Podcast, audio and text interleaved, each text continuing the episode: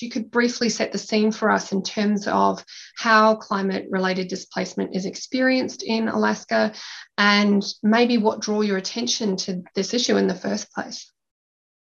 Sure, thank you. So, um, as you know, you know the Arctic is warming actually now three times as fast as the lower latitudes. And um, when I started this work, it was, which was about 15 years ago, um, the scientists were saying that we were twice as warm as the lower latitudes. And what that has meant is that we have been exceeding what the UN Framework Convention on Climate Change, their aspirational goal of 1.5 degrees Celsius increase, 2 degrees Celsius increase at the highest We've been exceeding these thresholds now for years in the middle of wintertime. Um, when you know the sun barely rises above the horizon, so that instead of snow, we've been having more rain in our winter times.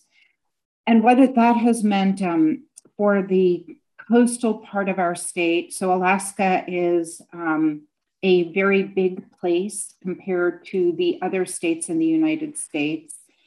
And on the west coast of Alaska, um, there are storms that come in uh, in our fall time. It's now going into our winter time. And even though we don't get hurricanes here in Alaska, at least not yet, we get really strong wind storms of 150 kilometers per hour. And um, because of those increased temperatures, we are seeing a radical decrease in Arctic sea ice.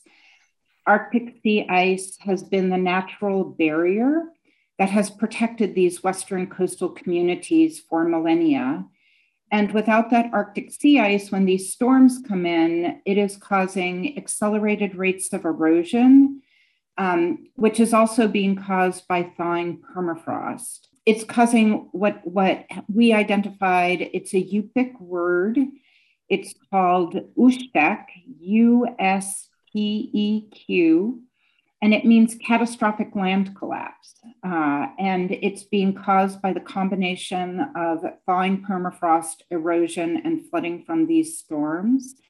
And it's because of Usteq now that um, Indigenous tribes here in Alaska have made the decision that they can no longer stay where they are and they need to relocate.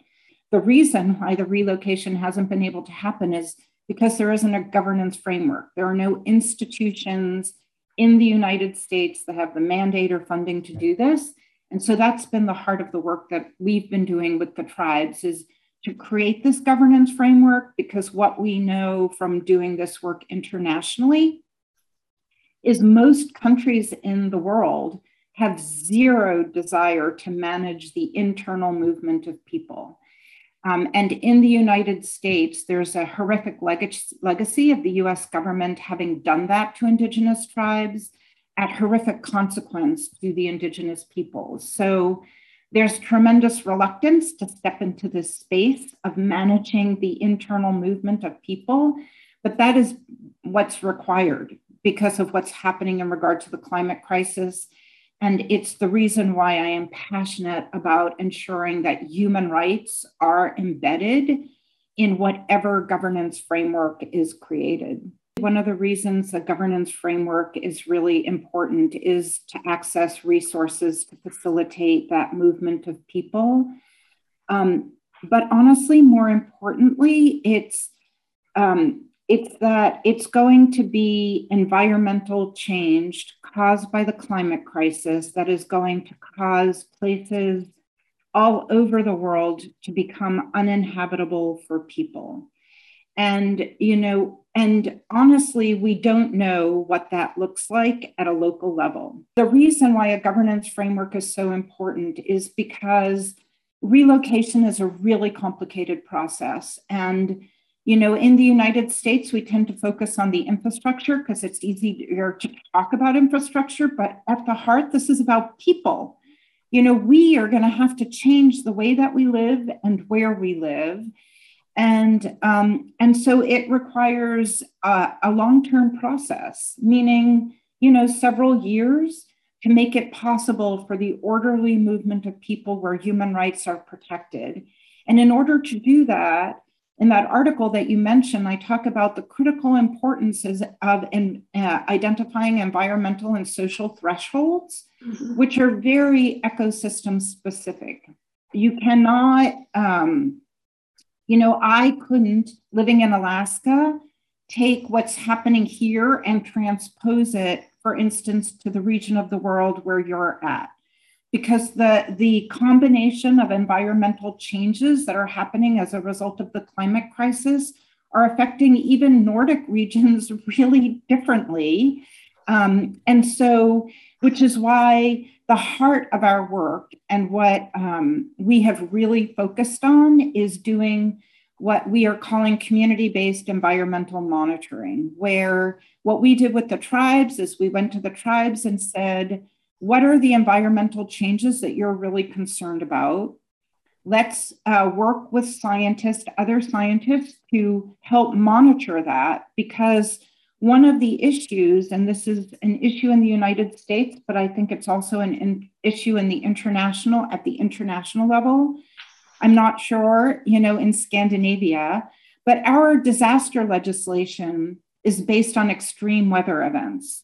So, disaster response happens when an extreme weather event happens.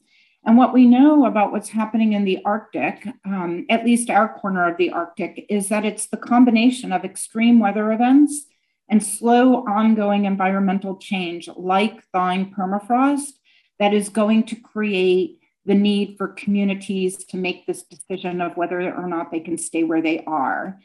And it's really important for local communities to be the ones gathering that information of what is happening, what is happening in regard to thawing permafrost and monitoring that so that it's possible to create a predicted rate of change for slow ongoing environmental change so that you can use that information to inform whether or not you need to you, you have the ability to stay where you are for an x number of years or based on that predicted rate of change something you're going to have to figure out whether or not you can stay where you are you sort of touched on this, and I, I want to just emphasize it a little more because I think it's important. But one of the things you've written about is about decolonizing adaptation research, which I enjoyed reading as well, and to provide for Indigenous peoples not just to be meaningfully included in research, but also to lead research efforts, to be to define the questions being asked. And I wondered if you had an example up your sleeve, and, and perhaps that was the beginning of one there, I think, of that being done well, the way that that can be done effectively. And I liked your example there of actually paying um, communities for their time. And I wonder if you have sort of other anything else that you can add to that idea. Yeah, thanks for for highlighting that because that is the heart of our work, um, and it's not only decolonizing research methodologies, but also decolonizing the legal and political systems that have caused the tribal communities that we work with to be located in environmentally vulnerable places and so, um, in, in talking about decolonization in the context of research, yes, compensating tribes is critically important. And they also need to be leading the way research is done. What questions are, imp- that's why when we went to the tribes, we asked them what they were concerned about in regard to envir- the environmental monitoring.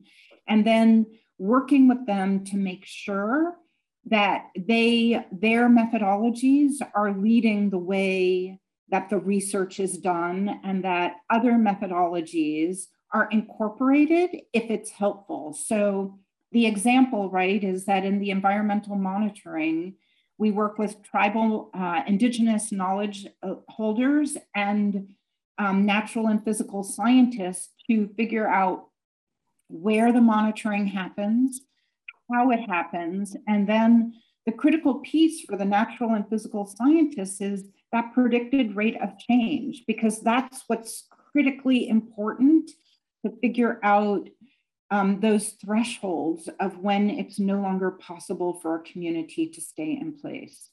Sort of future um, challenges that you see ahead. So, urgency you know, and that's for all of us. Like we need to be talking about climate all the time because it is the issue that if we don't resolve this, none of the other really important social justice issues, we're not going to be able to deal with them because the climate is going to be radically impacting all of us and the way that we live. So that's one. Um, and then two, this whole idea of a governance framework, um, you know, that is where I feel like there is still a lot of work that needs to be done.